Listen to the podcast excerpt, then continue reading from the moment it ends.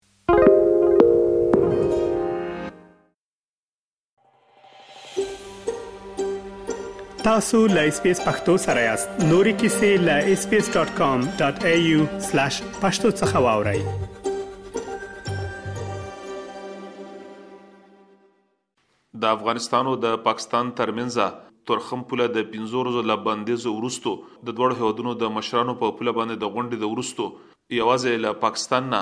افغان وګړو ته افغانستان ته او دغه شان په افغانستان کې پاکستاني وګړو ته پاکستان ته د تلو اجازه ورکړې شوې ده. په پوله باندې د دواړو غاړو د مشرانو ترمنځ دغه ناسته تر څو ساعتو پورې دوامداره وه، خو ولې یوازنې دغه پرېکړه پکې وشوه او له تجارت لپاره اوس هم دغه لاره په بشپړه توګه باندې تړلې شوې ده. که څه هم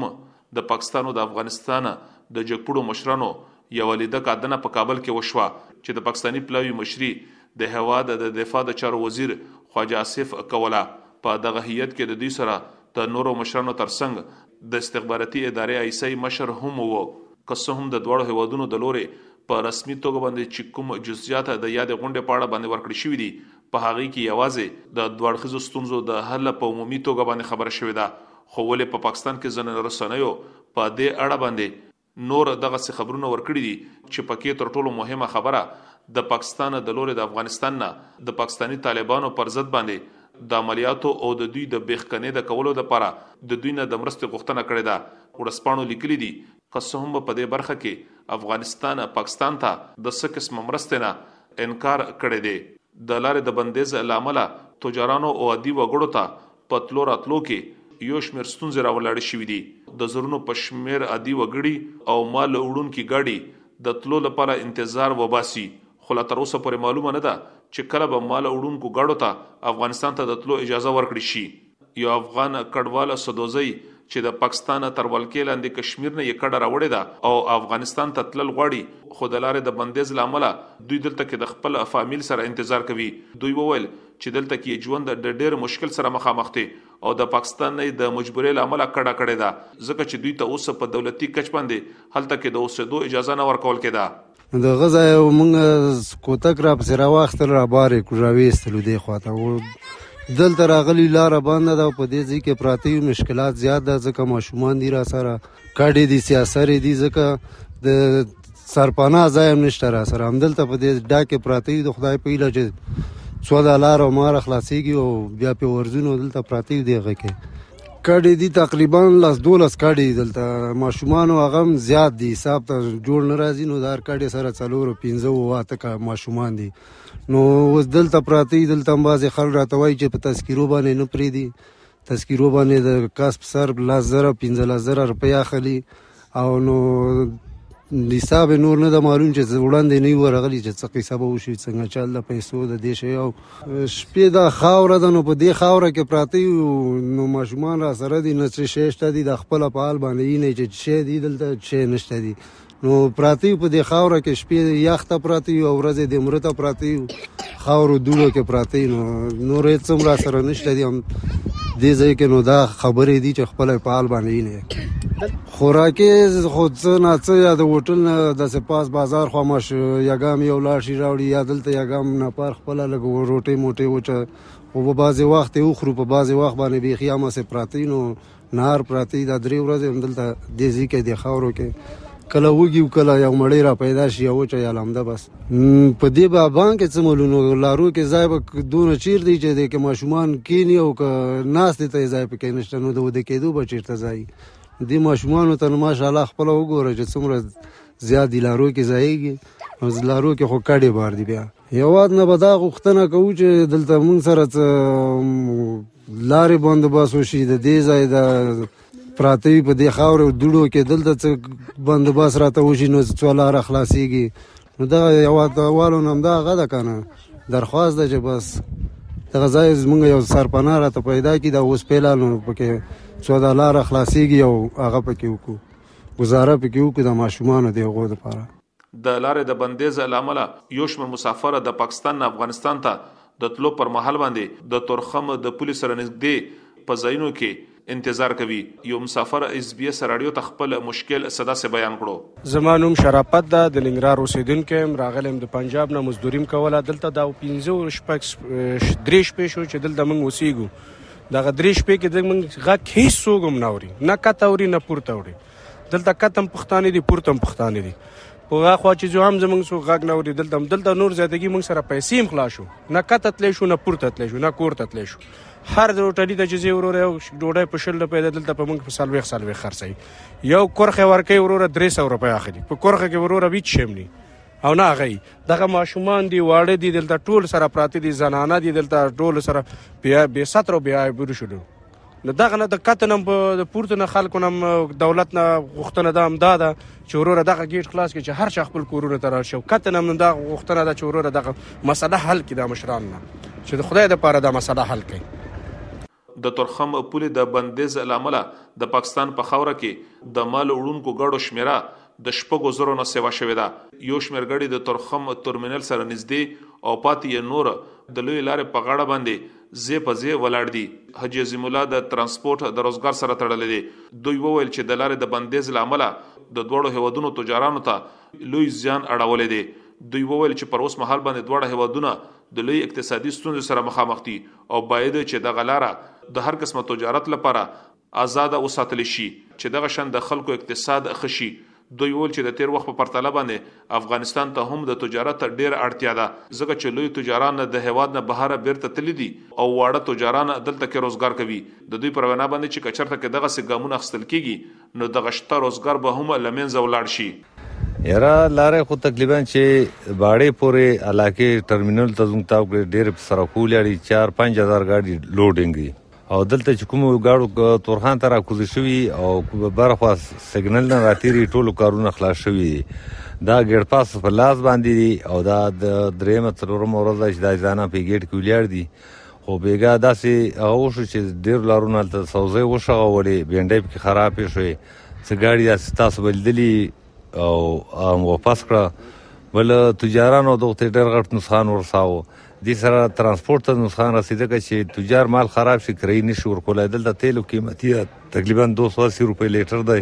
نو هر ګاډی پېښور نه دی پورې یو نیم لک روپو تیل خوري دوه لکو خرچې سره نو دا داسې ناجایزه غوندې کار وشو بایدی چې څه مسله راتلای چې یو ورځ نیمه د خلکو دا خبر چلولای چې دا خبره چی حل شوی نه یی دوه دری ورځی تاسو مهربانی وکړی چی دا کوم خطرناک مالونه یی او تجار پکی تاوان یی لیا ترانسپورت پکی تاوان یی دا سټاک وکړی زموږ مثال دا ګیټ بندو لیا څه نو دا خبره چلولای خلک به نسخانونه بچ وای بل کوم نسخان چی شی یو دواړو حکومتو نسخان دی بل زیات افغانانو دی چې څومره مالونه څومره ترانسپورت نن سبا روان دی دا افغانانو دی افغانان نه ځانان په یی گاډي کې پنځه تجاران نن سبا وخت شریک یاغه تو پاخه تجاران چې کوم دی بار دنیا کې ګرځي دلته غریب خلک را یو شوی سره او څلورو پنځه کسه باندې یو گاډي راډکه او غنده ستر خراب شنو غج ځانان کور کینی نو ډېر زیات خراب پلوالات روان دي او کوس یو جرګې سیستم دی میټینګ سیستم یو کومې خبرې سره دی باندې سره کینی او مثال خبره کوي او پنځلس خبرې و اتب کېل شي یا پنځب کېل شي دا غیر د کولا کوي مسافر او دوه تکلیف کم شي یاره پاره مې اشکه زموږ دلته میټینګ په تورخان کې او په افغانستان او سره زموږ ګړګو په پاکستان مشران مکمل پکې ناست دي پوه شو هره اداره هم پکې ناسته وي مثال خبره ایس ایچ او پورې د کیسټم ډیشنل پورې دا ټول پکې ناست دي کلیکټر پورې خلک پکې ناست دي بېله بېله خبره کلینډر په سطح باندې ما هر میټینګ کې کړې ده او دا خبرې رسوخت مکمل نه فکر یو ډریور چې د پنجاب د بهاولپور نه د لوګانو گاډي بار کړی دی اوس د تورخم سره ولاړ دی دوی افغانستان ته د تلو په اړه باندې وایي بس زه ډرایور یم لارې او شفیع الله د لنډی کوتل کې ولاړ یو سبزی بار دی الو ده نه وبسته ده او نه ډوډۍ هیڅ شی هم نه ملاویږي مونږ ته او مونږ ته ډیره سخته ده نو حکومتونه د دې نه کوي چې په معمولی معمولی خبرو باندې گیټونه سره تړي یاره بس دا مونږ ته ډیر زیات مشکل ده او الو خرابیږي که یو ګوري بس الو نه نور وبزي دا خو د شي نه ده دا خو الو خرابیږي موږ د سبزی د مکمل دا مخ کې گاډي وګوره دې کې بادرنګ بار دي دا خرابیږي نو بس دا لارې موږ هیله کوو د خلکو نه حکومتونو دواړو غاړو نه چې په دې ګیټونو باندې سره غور وکړي او ګیټ خلاص یو بیا د پاره د شي خدای دی وکړي چې ونسی دا د بالپور نمبر کړی دی الو دا تقریبا نن پنځم ورځ ده مال والا مرنګونه کیو بس ټول ننګونه کی چې وروره منګه چرته او څنګه منګ بس ولاړی دلته نو څو کو اوس منګه مجبوری ده یره تقریبا نو دا د شوخه 35 ټن الو دا ورکه 35 ټن الو دا نو دا خو ډیر غټ نقصان دی په دې باندې تقریبا اته لک روپۍ تشه کرایي راځي نو نور داسې د دې خرچه او دا ورواچ او تقریبا دا د 50 لک روپۍ نه زیات مال دی یو ګاډي کې 60 لک 50 لک روپۍ ډېر زیاتې لارې دي دا خو روزانه کم از کم 200 2500 لارې دي چې دا د جنوري په درشمه نټه باندې په پیښور کې د پولیسو په مرکز کې دننه په یو جمعه ته باندې د شوی برید ورستو پاکستانی مقاماتو پریکړه کړې و چې دوی به په دې لړ کې د افغان چارواکو سره د لیدل لپاره یو هیئت کابل ته لېږي خو بل اړخ ته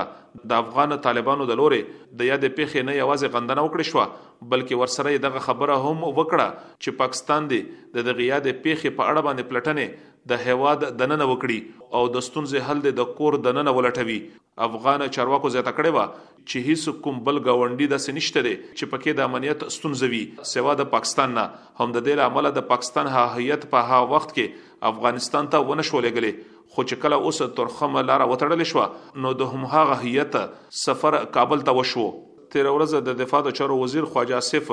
قامي اسمبلۍ ته په خپله وینا کې وویل چې کابل ته د دوی سفر ډېر ګټور و او باید چې دغه شانتې په راتلونکي کې دغه شانتې ناستې دوام ولري. دوی د پاکستان د تحریک انصاف په تېره واکمنې او د پاکستان د استخباراتي ادارې آی ایس آی پخواني مشر باندې سختې نیوکې وکړې او وی ویل چې د اتیاو زرو د نفوسو د وژلو نه وروسته بیرته بیا هم عادي وګړو ته دغه وویل شول چې طالبان بدل شوي دي او دوی به په امنناکه ډول دلته کې هیواد ته راستنول شي دوی به دلته کې ارامه ژوند کوي او هیڅ کومه ستونزه به نه وي خو د دوی پر وینا باندې چې اوس دغه شانتې نه ده. دوی چې کله طالبانو واک واخیستو نو په اشاره سره دوی وویل چې د ایسای پخوانی مشر د چایو پیاله په لاس کې اخیستې و او خبريالانو ته یې وویل چې اوس په هر څه سم شي د دوی پر وینا باندې چې مونږ اوس دغه پښتنه کوو چې څنګه هر څه سم شول دوی زیاته کړه چې په هیواد کې د نامنې ستونزه ورځ تر بل ډیریږي او باید دغه خبره ضرورت ته چې مونږ دغه پښتنه وکړو چې اساسي علتونه سدي او ځمواري د چا ده हमें बताया गया